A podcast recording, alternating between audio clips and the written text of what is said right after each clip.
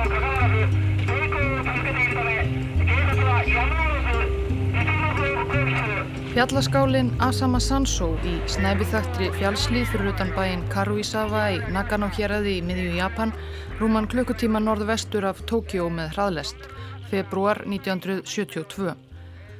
Skálin var í eigu hljóðfæra framleiðandans Kawai, svo vígaleg bygging að hún líktist næstum virkisturni. Skálin sjálfur var á þremur hæðum, tvær neðstugur steini en ofan á þeim öllu stærri trebygging.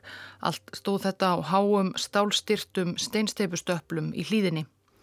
Innan dyrra var skálin eins konar völundarhús af litlum herbergjum, stigum og göngum. Í grend við þessa sérkennilegu byggingu hafði svo eitthvað fjölmennasta lið japanskra fjölmiðlamanna sem sérst hafi til þessa sapnast saman og ekki bara fjölmiðlamenn heldur líka fjölmennt lauruglulið hér aðs laureglan í Nagano og kollegar þeirra frá Tókjó í sérsveitarbúningum með þungvæfni.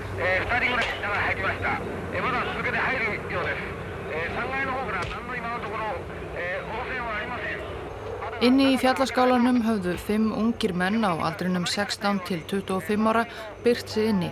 Þeir voru vopnaði riflum og haglabissum og þeir höfðu tekið eiginkonu skálavarðar í gíslingu. Skálavörðurinn sjálfur hafi verið úti að ganga með hundin þegar ungmennin réðust inn í skálan.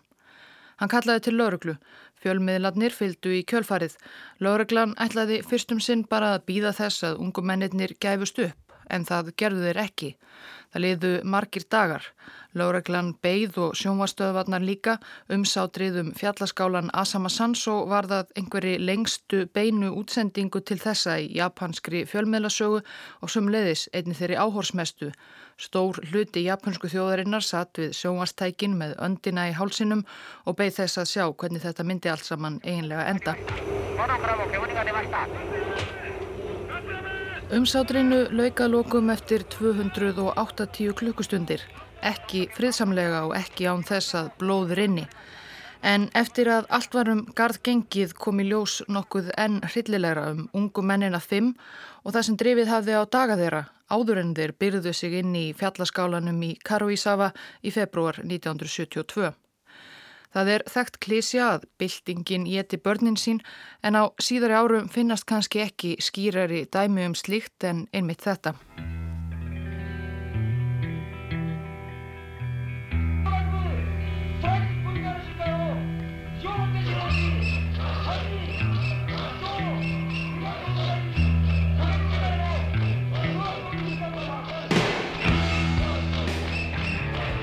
Öflug vinstirhreyfing er kannski ekki það sem helst ennkennir japansk stjórnmálalandslag í dag. Undanfærin ára og ára tögi hafa í raun skipst á að fara með völdin tveir, þrýr stjórnmálaflokkar sem eru bara örlítið mis hægri sinnaðir og mis leiðinleir.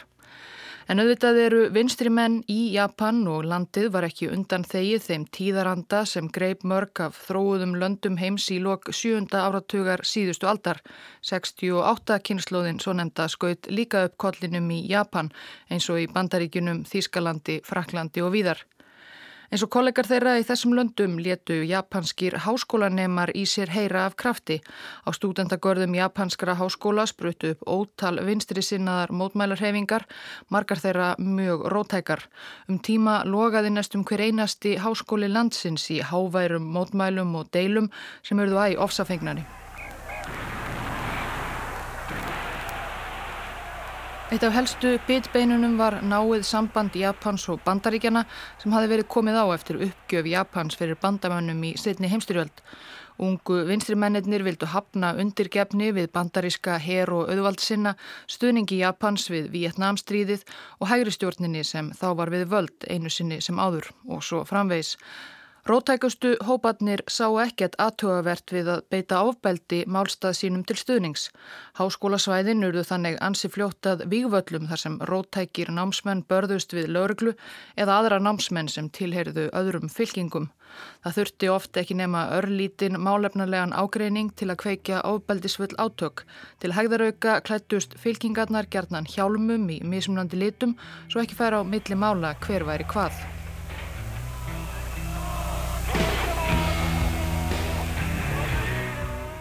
En rétt eins og í Þískalandi, í Bandaríkunum og víðar letu ekki allir rótæku námsmennir sér næja götubardaga og rifrildi. Það voru sumir sem gengu lengra og fóru út í hriðiverkastarsinni.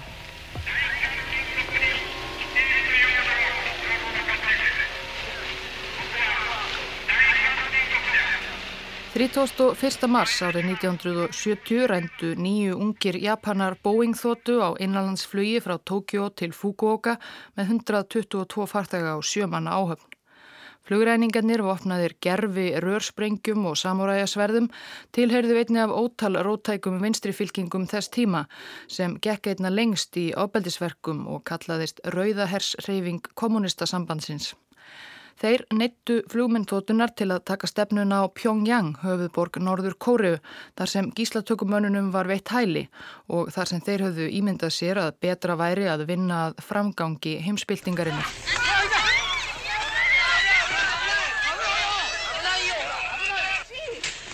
Gísladnir komist allir óhulltir heim til Japans en í kjölfar þessa fyrsta flugráns í japanskri sögu gerði yfirvöld rassíu gegn rótækum vinstrimönnum og hann tóku meðal annars á annað hundrað meðlimi rauðahersreyfingarinnar sem flugræningarnir höfðu tilhert eða um helming liðsmanna. Þeir sem stóðu eftir voru flestir nýliðar eða einhverjir sem yfirvöldum hafi fundist tja líklega of ómerkilegir til þess að handtaka strax. Eitt helsta enginni þess sem kallað var nýja vinstrihreyfingin í Japan var að liðsmönnum hennar kom aldrei saman um neitt. Rótæk samtök og flokkar klopnuðu í sífellu niður í æsmerri og torræðari einingar. Það gerðistu vitað miklu víðar á þessum tíma til dæmis á Íslandi. Og það var einnig raunin með rjúkandi rústir rauðahersreyfingarinnar eftir rassíu yfirvalda 1970. Þeim sem eftir stóðu greindi á um margt. Þeim fannst til dæmis ómögulegt að ákveða hvort væri mikilvægara að einbeita sér að byltingu innan Japans eða sjálfur í heimsbyltingunni. Að lokum klopnaði hópurinn í tvent.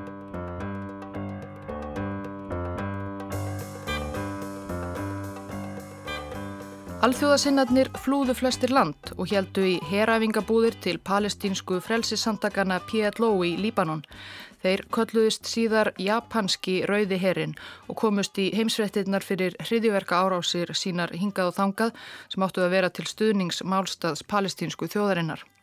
Þeirra hryllilegasti verknaður var þann 30. mæ 1972 þegar þrýr japanskir hriðiverkamenn vopnaðir Kalasnikovum skutu 26 saglausa ferðalanga til bana og særðu 80 á alþjóðaflúvellinum í Tel Aviv. En það er annur saga. Við höldum okkur í Japan. Þar kom það í hlut Tsuneo nokkurs Mori, 27 ára, að leiða þá rauðahersliða sem sátu eftir heima. Mori hafi gengið í stúdendarhefinguna sem kínversku nemi við háskólan í Ósaka og náð þar ákveðnum frama en það alvöru gefin ungur piltur og kretufastur. Þó kannski engin djarfur byltingarhermaður, tveimur árum áður, 1969, hafi hann verið rekin með skömm úr rauðahershefingunni fyrir að hafa gugnað, flúið og yfirgefið félaga sína þegar lauraglan reyndið að kveða niður einhvern mótmælafundin. En eftir rassíu lauruglunar í kjölfar flugránsins þegar vantaði sárlega nýja félaga til að fylla í skarð þeirra sem hafði verið handteknir þá var Móri fyrirgefið og hlift aftur inn í starf reyfingarinnar. Og flestir leittóarinnar voru þá á bakvið lás og slá eða komnir nángleðina til Líbanon eða Palestínu svo skindilega stóð Tsuneo Móri uppi sem leittói.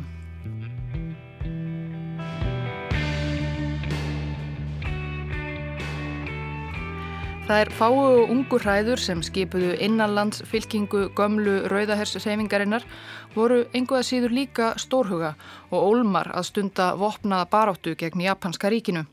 En helsti gallin var kannski að þau áttu engin almennileg vopn. Þau eru alls ekki á hverju strái í Japan nema þá helst nývar og sverð eins og félagar þeirra höfðu notast við í flugráninu fræga. Rauðahersfreyfingin var þó alls ekki aðgerðalös. Á fyrstu sex mánuðum ársins 1971 frömdu liðsmenn nokkur bankarán og urðu sér þannig úti um meira en 10 miljónir jena en þetta með vopnin var erfiðara. En svo heppilega vildi reyndar til að í fjölbreyttri flóru japanskra öfgavinstri hópa var einmitt ein önnur fylking í einmitt öfugri stöðu. Það voru herskáir ungir máistar sem kölluði sig hinnu þjála nafni byltingar sinnaður vinstriarmur japanska kommunistaflokksins í Kanagawa-síslu en Kakumei Saha er stýtning á romsunni og frummálinu sem eftir vill er þægilegra að notast við. Þessi hópur átti ekki mikla peninga en þeir höfðu þó staði fyrir nokkrum árásum og aðgerðum og það sem var þeirra helsta afreiksverk til þessa. Þau höfðu rænt veiðivöruverslun þar sem hópurinn hafi meðal annars komist yfir nokkra veiðirifla sem teknir voru í þjónustu byltingarinnar.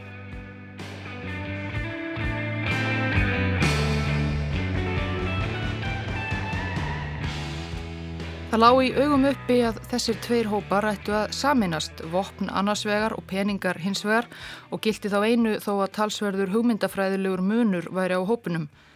Ný sameinuð fylking fekk nafnið Rengo Sekigun, sameinaði Rauðiherin og var stopnfundur haldinn 20. desember 1971. Stopn meðlimir voru harðasti kjarnin úr báðum hópum, alls 29 manns, 19 karlar og 10 konur. Elsti liðsmaðurinn var 28 ára og sá yngsti 16 og þau ætluðu sér stóra hluti. Á stopnfundinum lístu þau öll því yfir að þau væru reyðubúin að og hikuðu ekki við að deyja fyrir byltinguna. Og byltingin átti vissulega eftir að draga um helming þeirra til dauða áður en ár var liðið en kannski ekki á þann hátt sem þau áttu helst vona á þá.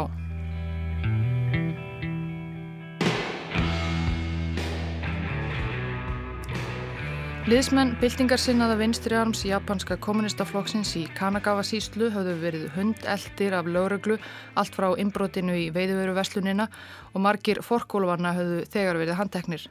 Þar á meðal var leðtógin Tsuyoshi nokkur Kawashima í fangelsi. Því kom það í hlut næstráðanda hans að leiða hópin þegar kom til samrunans við Rauðahers fylkingu Tsuneo Morris. Það var konaðanafni Hiroko Nagata, 26 ára þegar þarna var komið sögum. Samband hennar og yfirbúðara hennar Kawashima hafi verið flókið. Fullirt er að hann hafi nöðgað henni rúm ári áður en þau haldið áfram að vinna saman. Það var alls ekki óheirt í rótæku vinstirhreyfingunni í Japan að konur ættu að láta sig þóla nöðganir og kynferðisofbeldi mögluna löst, allt í þáu byltingarinnar. En hvað sem öðru líður tóku leðtúarnir tveir, Mori og Nagata, nú upp nána samvinnu við stjórn hinn að nýju samtaka. Karlmaðurinn Mori var þó tvímaralaust hinn sanni leðtói. En svo náinn varð samvinna þeirra að áður en yfirlaug tilkynnti Nagata einmanni sínum stuttarlega hann var líka rótæklingur og einn stopnenda saminnaða rauðahersins, að því miður yrðu þau að skilja. Það væri nefnilega réttast frá sjónarhóli byltingarinnar að hún giftist Tsune og Mori í staðin.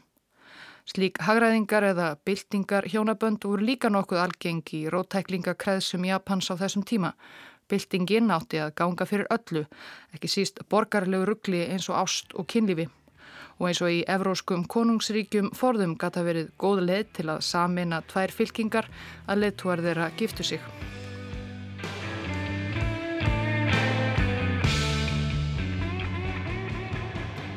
Sameinaði Rauðiherrin var bara nýstopnaður á síðustu dögum ársins 1971 þegar hörðustu liðsmenn hans heldu til fjalla Ætluninn var að stunda þar æfingar í hernaði til að búa sig undir vopnaða byltingu. En ástæða flutningsins var ekki síst að fjölmarkir liðsmenn begja fylkinga voru eftirlýstir af lauruglu og hundeldir þeir urðu að fara í felur. Bildingamennir komi sér upp höfuðstöðum í frekar hrörlegum og afskektum fjallakofa í hlýðum eldfjallsins Haruna í Gunma hér að í miðju Japan. Það var hávetur og hittinn undir frostmarki. Í kofanum var einn opn sem kofabúar þyrtust í kringum. Úti í snjónum og kuldanum stunduðu ungmennin þrek og skotæfingar og klöngruðust um í fjallslíðinni með veiðiriflana sína dýrmætu. En ekki leið á lungu þar til einn eiginlega herþjálfun fór að skipa annaðsætið fyrir æ torræðari hugmyndafræði og innbyrðis deilum í þessum þó fámenna hópi. Annað af helstu einkennum nýja rótæka vinstrisins í Japan hafði frá byrjun verið harkaleg gaggríni þáttagenda á sjálfan sig jamt sem aðra og heldina alla. Örlítill ágreiningur og ómerkileg hugmyndafræðileg brott voru oft mögnuð upp í alvarlega glæpi gegn byltingunni og brotamadurinn þá gaggríndur harðlega félögum sínum í ættu það sem týðkaðist í menningarbyltingu Más í Kína. Hverki varð slíkt þó verra en í fjallakofa sameinaða rauðahersins.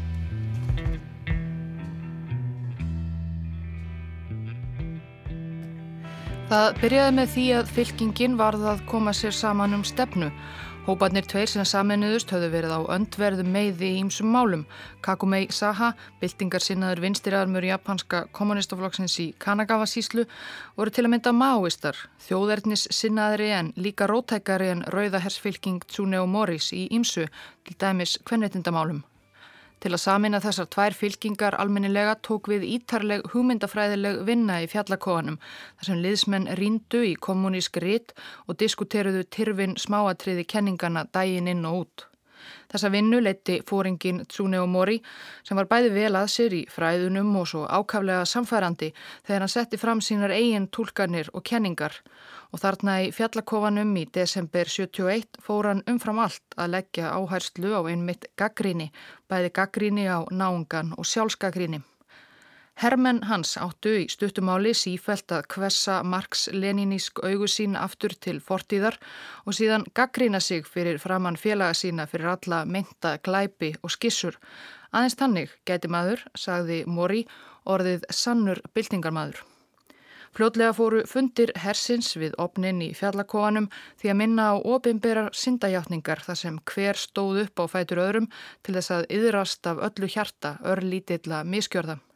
Þeir sem brutu af sér eða ekki þóttu gaggrína sig nógu rækilega voru látin sæta refsingum, vinna skítverkin þann daginn eða hýrast í skammarkrók eða þá að þau fengu ekki mat eða síkarettur í einhver tíma. Fyrstum sinn tóku allir liðsmenn sameinaða rauðahersins Olmir þátt í þessum gaggrínis stundum. Allir vildi jú sannarlega verða betri stríðsmenn og fórna öllu í þá byltingarinnar. En það leiði ekki á mjög löngu þar til mórallin í köldum fjallakóanum fór að versna.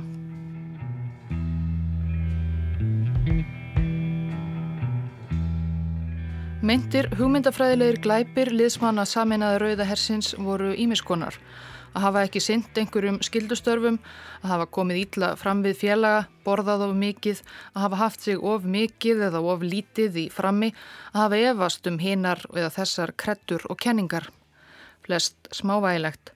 Það sem Mori og Nagata leðtúum fylkingarinnar þótti kannski einna alvarlegast voru brot af kynferðislegu tægi Ætlast var til þess að byltingamennir legðu allt slíkt, bæði aðtapnir og langanir til hliðar og helguðu sig byltingunni alfarið og tekið var harta og grunnsemdum um hverskins kynferðislegar gjörðir og hugsanir.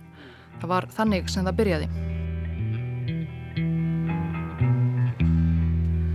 Yoshitaka Kato, 22 ára, hefði farið til fjalla með kærustunni sinni Kazuku Kojima og tveimur yngri bræðrum. Þeir voru 19 og 16 ára og allir bræðurnir þrýr voru í uppreysn gegn föður sínum sem var íhaldsamur hægri maður. Nokkrum dögum fyrir áramót kom Hiroko Nagata, næstráðandi í saminnaða rauðahernum, að kærustuparinu Kato og Kojima kissast undir gabli fjallakofans. Henni varð ekki skemmt. Öll slík borgarleg romantík átti ekki að líðast. Þeim þurfti að refsa. Fyrstu dagana var Kato og Kojima bara neitaðu um mat og skipaði að sitja tímunum saman á njánum og skrifa niður glæpi sína. En þau virtust að mati Mori, aðsta leðtóa hersins, aldrei yðrastu nóg eða sína hinn rétta byltingaranda. Hún var ljóst að framifyrir svona alvarlegum agavandamálum var gaggrínin einn ekki nóg Það væri bara eitt til ráða, líkamlegar refsingar. Það myndi herða hermennans og verða til þess að þeir endurfættust nýjir og betri kommunistar eins og Fönix úr öskunni. Þó Móri hafi ekki þótt merkilegur pappir í byrjun var hann þarna áriðin mælskur og sannfærandi leðtói allavega augum félaga hans sem hýrðust með honum í fjallakofanum í Gunma. Þau gliftu við hverri nýri stefnu sem hann mótaði og hverju orði sem hann let út úr sér, óðu uppvæg að gefa allt til byltingarinnar og vafalaust einnig nokkuð smeg við að andmæla yfirvaldinu. Líka þegar Móri lísti því yfir að allir liðsmenn hersins ættu að taka þátt í útdeilingu líkamlegra refsinga. Það væri í raun heiður að fá að hjálpa félögum sínum á þennan hátt, leiðbeinaðum. Svo að ungu uppreysnamennir þyrtust í kringum glæpsamlega parið Kato og Kojima og letu höggin dinni á þeim. Yngri bræður Katos tóku þátt og börðu eldri bróður sinn tárvotir en sannfærðir um að þetta væri allt í þá og byltingarinnar. Þegar basmiðunum laugloksins voru þau borin út hálf rænlaus, blá og marinn, fötinn, tætt og rifin og bundin við stólpa nálat kofanum. Þar máttu þau dúsa úti í nýstingskulda og snjó.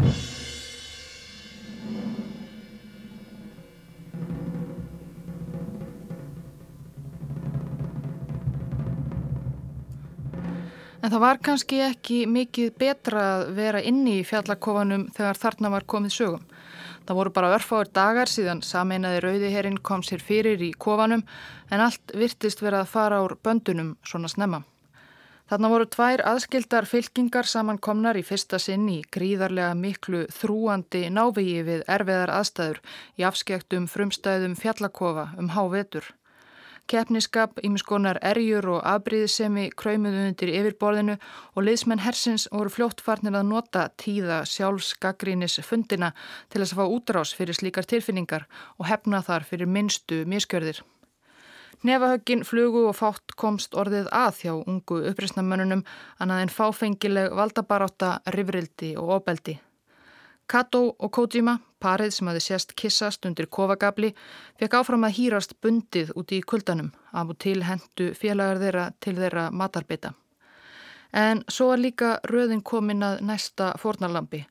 Það var 21 árs gammal siglinganemi Mitsuo Osaki. Hver var glæpur hans? Já, það var ímislegt tínt til. Til að mynda þótti hann ekki hafa gengið nægilega hart og sannfærandi fram þegar liðsmönum sameinaði Rauðahersins var gert að refsa Kato og Kótíma. Svo var hann sagaður um að hafa farið ógætilega með dýrmæta rifla fylkingarinnar og svo voru fleiri hugmyndafræðileg brot að hafa ekki nákvæmlega réttu afstöðuna til stríðsútþenslu stefnu bandaríkjana og svo framvegis. Til þess að fá ósaki til að yðrast og herðaðan almennilega sem byltingarherman taldi Móri fóringi best að, jú, félagar hans gengju í skrokka honum. Ósaki var bundin í dýrakaram og svo komiðir einn af öðrum vinir hans og vopnabræður og systur og kýldu hann í magan reglulega af og til í tvo daga. Ósaki játaði á sig alla mögulega glæpi, allt á milli hímins og jarðar og þakkaði meira segja kvölurum sínum fyrir að sína sér með þessum sásaukafulla hætti villu síns vegar. En þetta vildi Móri þó meina að væri bara sleikuskapur og ástæða til að ganga enn harðar fram gegn aumingjanum.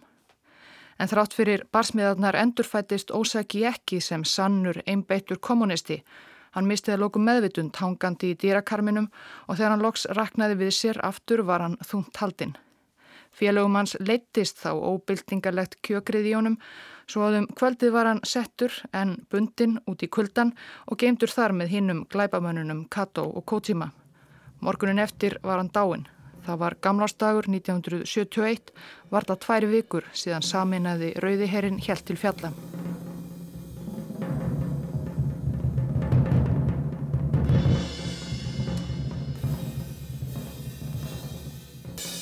Þetta var fyrsta döðsfallið í fjallakónum. Ungmennin höfðu vissulega gengið hart fram gegn hvert öðru en að einn félagið þeirra hefði virkilega beðið bana var flestum mikið áfall. Voru þau morðingjar? En svo eini sem virtist ekkert láta döðsfallið á sig fá, hvað þá sirkja fallin félaga, var leðtóinn Mori. Hann var alltaf með svörin á reyðum höndum og nýja frasa líka núna. Sko, saði hann, Ósaki hafði dáið úr uppgjöf því hann gati ekki gaggrínt sig nægilega. Hann sá að hann hefði það ekki í sér að verða sannur byltingarmadur og því hafði hann valið að deyja. Ábyrðin var hans eigin og alls ekki þeirra.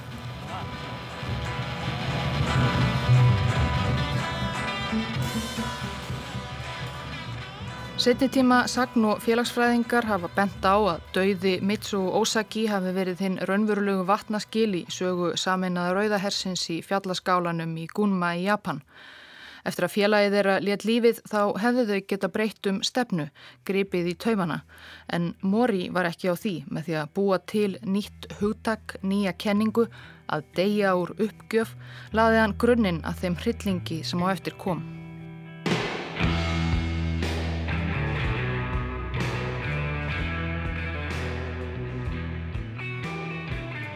Kazuko Kojima, kærastan í parinu Íllræmda, lest úr kulda og vósbúð bundin fyrir utan fjallakofan á nýjástag 1972. Kærastin ennar Kato tórði í þrjá daga til viðbótar, bundin vil hið frosið lík kærustu sinnar. Félagar þeirra hunsuðu þau, eða þau höfðu mannað að hugsa. Gaggríninn var það halda áfram svo liðsmenn getur orðið sannir kommunistar og byltingamenn. Rjúsabúru Sindó var 22 ára og hafði gengið í rauðahersfylkinguna þegar hann var í frönsku námi í háskóla í Tókjó. Hann var myndarlegur, vinsæl meðal kvenna og nokkuð upp á kvennhöndina sjálfur. Hann hafði ekki framinn einn sérstakann glæp til að talum en það var kannski helst þetta orðspor sem gerði það verku um að hann var það næsti skótspótn gaggrínis herrferðarinnar. Aftur rauðuðu meðlimir saminnaða rauðahersins sér því upp í ring í fjallakóanum. Í miðjunni stóð Sindó og reyndi í óbóðið að telja upp alla mögulega glæpi sem hann hafði framið gegn byltingunni, hvennafar og allt annað. Í vonum að nógu ákvöf sjálfskakrinni leiti til þess að honum erði sleft við barsmiðar. Það var til lítils. Það var komin dagrenning þegar barsmiðunum lauk og Sindó var borin ítla út leikin út úr kofanum. Hann dó skomu síðar.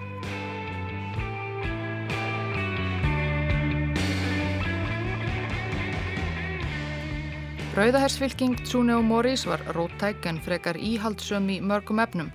Róttækar í kvennittindamálum var byltingarsinnaður vinstriarmur japanska kommunistaflokksins í Kanagawa síslu sem Hiroko Nagata leiti en það voru konur meira en þriðjungur þess þegar fylkingarnar saminuðust. Og Nagata sem var næstráðandi í saminnaða rauðahernum og byltingar eiginkona Morris var auðvitað ótvírætt fremst í gokunarauðinni. Hún var 26 ára þegar atbyrðirnir í fjallakóanum áttu sér stað. Hún hefði starfað innan studentarhefingarinnar frá því hún var 18 ára og hóf námi í Livjafræði við Virtan háskóla í Tókjó. Gegnum árin hefur mikið verið skrifað um Hiroko Nagata og þátt hennar í atbyrðunum í kofanum veturinn 1971 til 72, hvað henni hafi gengið til. Talið er að Nagata hafi verið með greifsveiki eða álíka spjaldkirtil sjúkdóm sem gerði hana líkindum ófrjóa og var til þess að hún hafi nokkuð sérstætt útlitt, aðalega bólgin útstæð augum. Hún átti erfiða æsku vegna þessa en á unglingsaldri fann hún sig loksins í róttæku stúdendarhefingunni og eins ákveðin hún var reys fljótt til valda. Hún átti að sögn sérstaklega auðvelt með að starfa með kartmönnum sem þurftu auðvitað alltaf að vera leðtóarnir. Rótæka vinstirhreyfingin í Japan var ekki mikið rótækari en svo. Hvort sem það var fyrsti leðtói byltingararmsins í Kanagawa síslu, Kawashima sá sem nöðgæði henni og svo Tsuneo Mori sem hún fyldi í flestu og varð sérstaklega áfjáði að framfylgja rótækustu og grimmilegustu skipunum hans og gekk alltaf hart fram í gaggríninni. Því hefur verið haldið fram síðar af ímsum skrýpendum sem fjallað hafa um þessa sögu að Nagata hafi svo verið sérstaklega grimm við kynsistur sínar, kvennkins liðsmenn sameinaða rauðahersins og þá mögulega látið stjórnast af afbríðisemi vegna útlitsins. Ekkert skal fullirt um það hér. Nagata sagði sjálf síðar aðeins hafa látið stjórnast af hreinum byltingaranda. En ekki er hægt að neyta að ein af konunum í saminnaða rauðahernum varð fljótt að sérstöku fornarlampi Nagata. Hún hétt Mieko Toyama og var 25 ára af fátækri fjölskyldu. Eftir mentaskóla hafði hún unnið í brugghúsi á daginn en á kvöldin lesið lögfræði við kvöldskóla hins fínasta háskólans í Tókjó. Í stúdendarhefingunni þar hafði hún svo egnast góða vinkonu Fusako Shikinobu og í byrjun árs 1971 fóru þær á samt fleirum til Palestínu að berjast við hlið PLO.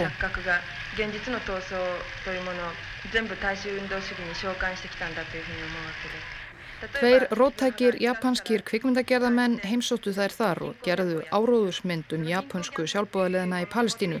Heimstyrjaldar yfirlýsing heitir hún. Það er Sigenobu sem talar mest í myndinni en það átti hún eftir að dvelja fyrir botni miðararhafs næstu 30 árin sem eitt helsti leðtogi hérna alþjóðlegu hriðuverkasamtaka japanska rauðahersins.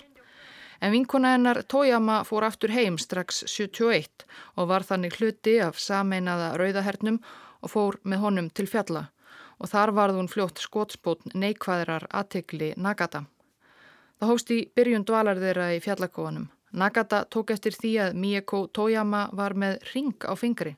Akkur í óskupunum var hún enn með hennan ring. Þetta var ömurlegur hjekumleiki og greinilega til margs um að hún teki byltingastarfið ekki alvarlega. Raunin var að móðir Toyama hafi gefið henni ringin svo hún hefði eitthvað að selja ef hún lendi í fjárhagskrökkum eða öðrum vandræðum. En Nagata hlustaði ekki á þetta. Næstu daga magnaðist gaggrínin Akkur hafði Tójama ekki klift á sér hárið stutt eins og þær hinnar, hjælt hún að byltingin væri einhver lautarferð. Dag eftir dag var Tójama skipað að gaggrína sig og hvert einasta smáatriði úr 25 ára æfi hennar virtist þá vera gaggrínisvert. En þrátt fyrir að undirgangast þetta allt og gaggrína sig í sífællu þá virtist Tójama aldrei verða nógu góður byltingarmadur.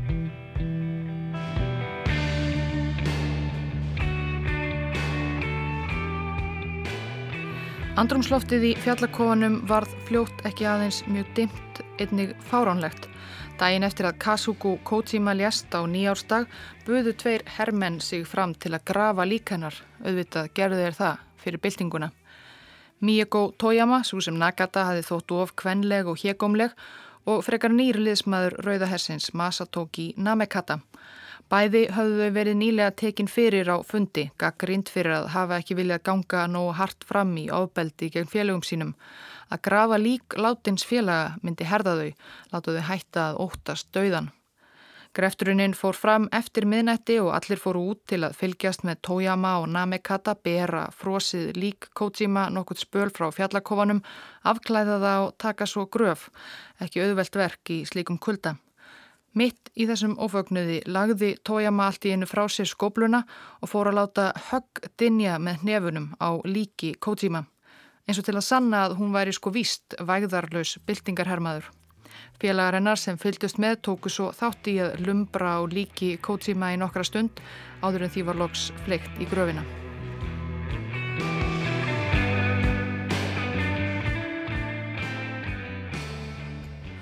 Þrátt fyrir þetta auðvitað Nagata og Mori ekki samfærð um að Tójama hinn hegumlega væri endurfætt. Meiri gaggríni væri þörf. En nú var það ekki hópurinn sem sjá skildi um að útdeila öðbeldinu, heldur átti tójama að sjá um refsinguna sjálf. Svo sárt var hún þá leikin andlega félögum sínum að hún fjelst þegar á að sjálfsagt væri að hún lúskraði á sjálfri sér í refsingarskyni fyrir sína óljósu glæpi. Tójama tók sér stöðu í miðjum fjallakóanum og let höggin dinja fullum krafti á eigin andliti og meðan félagarennar kvöttu hann allir dáða. Þegar hún loks stiftist örmagna á gólfið, reisti Nagata hana við, rétti henni speil og mun hafa sagt sjáðu nú hvernig komið er fyrir þessu fallega andliti. Tójama efti, en það var hún afskræmt eftir eigin barsmiðar og hneg niður í losti. Hún var svo bundin á höndum og geimdi í hortni í kofanum meðan félagarennar lögðu á ráðinum yfirvofandi byltingu eða eitthvað. Af og til var hún dregin fram og bara einaðins meira. Hún ljast eftir fjóra daga þann 7. janúar.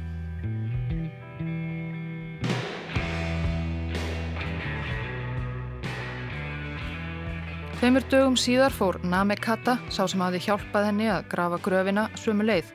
Mori hafi grunað hann um að vilja flýja og lóti brjóta á honum axlar og lærbein og henda út í kuldan. Hann var 22 ára. Á rúmri viku höfðu sex íbúar fjallakofans dáið og félagar þeirra grafið lík þeirra í fjöldagröfum fyrir utan. Ekki að undra kannski að þeir sem eftir livðuurðu óðir og uppvægir í að játa allar sínar andbyltingarlegu syndir. Næsta fornalamp Teraoka Koichi var einn af leðtóum gamla byltingar armsins í Kanagawa síslu og hafði hingað til verið einn af leðtóum hinnar saminuðu fylkingar. Dag einnum miðjan januar sakaði Móri hann um að vera stalinisti, það var höfuð synd. En hann fikk lítinn tíma til að gaggrina sig. Móri dæmdi hann umsjögalöst til dauða.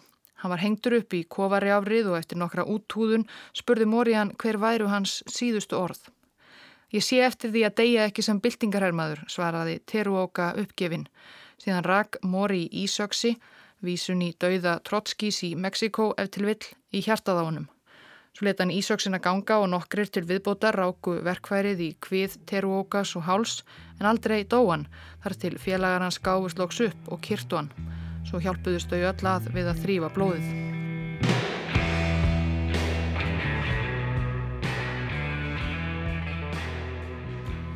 Næstu daga voru fimm ungir byltingarmenn myrtir fyrir smávægilega glæpi gegn byltingunni og sviksemi. Meðal þeirra var Michio Kaneko sem var með barni kominn áttamánuði á leið. Nagata ásakaði hanna meðal annars um að reyna að halda því fram að barnið sem hún bæri undir belti tilherði henni einni en ekki fylkingunni, byltingunni, auðvitað tilherði barnið byltingunni. Annað fornalamb var einn 28 ára gamli Junichi Yamamoto. Hann hafði haft svo mikla trú á félögum sínum að hann hætti í vinnunni, seldi aðleguna og fór upp í fjöll með eiginkonu sinni og þryggja mánada gamalli dóttur. Eiginkona Yamamotos lagði á flótta með barnið eftir dauða einmannsins. Fleiri fylgdu í fótspor hennar. Um miðjan februar voru aðeins 11 eftir af hennum upphaflegu 29 liðsmönnum sameinaða rauðahersins. Aðrir flúnir eða myrtir og endirinn nálgæðist.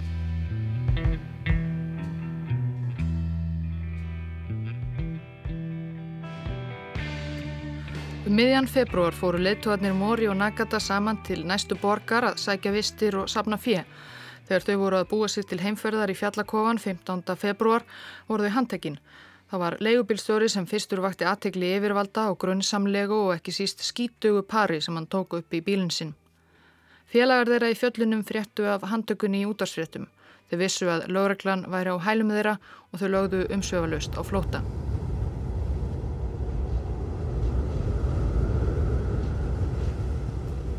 Eftir að hafa gengið í tvo daga komu byltingamennir til Karuísafa, skíðabæjar við rætur eldfjallsins Asama. Þar skiptuðu liði. Helmingur hópsins fór niður í bæin, þar vöktu þau eftirtækt á játbröðarstöðinni, skítug og tætingsleg ungmenni og voru öll handekinn. Fimm ungir menn klöngruðust upp í fjallaskála Kavai hljóðfæra framleiðandans og tóku þar eiginkonu skálavarðarins í gíslingu.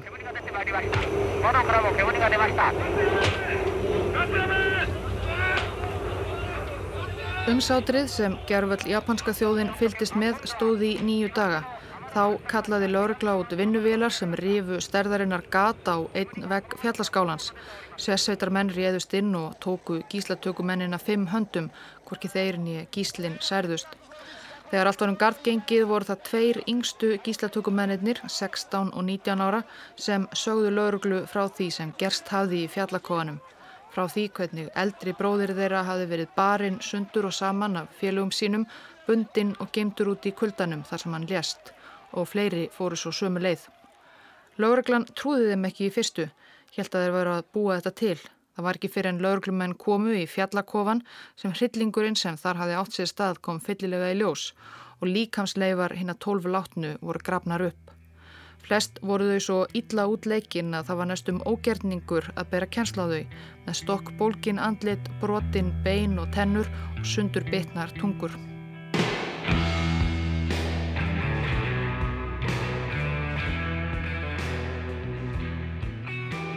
Gíslatökumennir ungu og aðrir eftirlifandi liðsmenn saminnaði Rauða Hersins fengu langa fangelsistóma. Trúneu Mori framti sjálfsmorði fangelsi á nýjástag 1973. Í brefi sem fannst í klefa hans saði hann gjörðir sínar hafa verið brjálæði og að sjálfsmorðið yrði hans fyrsta raunverulega byltingarþólrun. Sagt er að þegar Nagata frétti af sjálfsmorði félaga síns hafi hún útrópaðan svikara og gungu. Hún var dæmt til dauða en dómnum var ekki fullnægt þar sem hún dó úr krabbameini í februar 2011, 65 ára.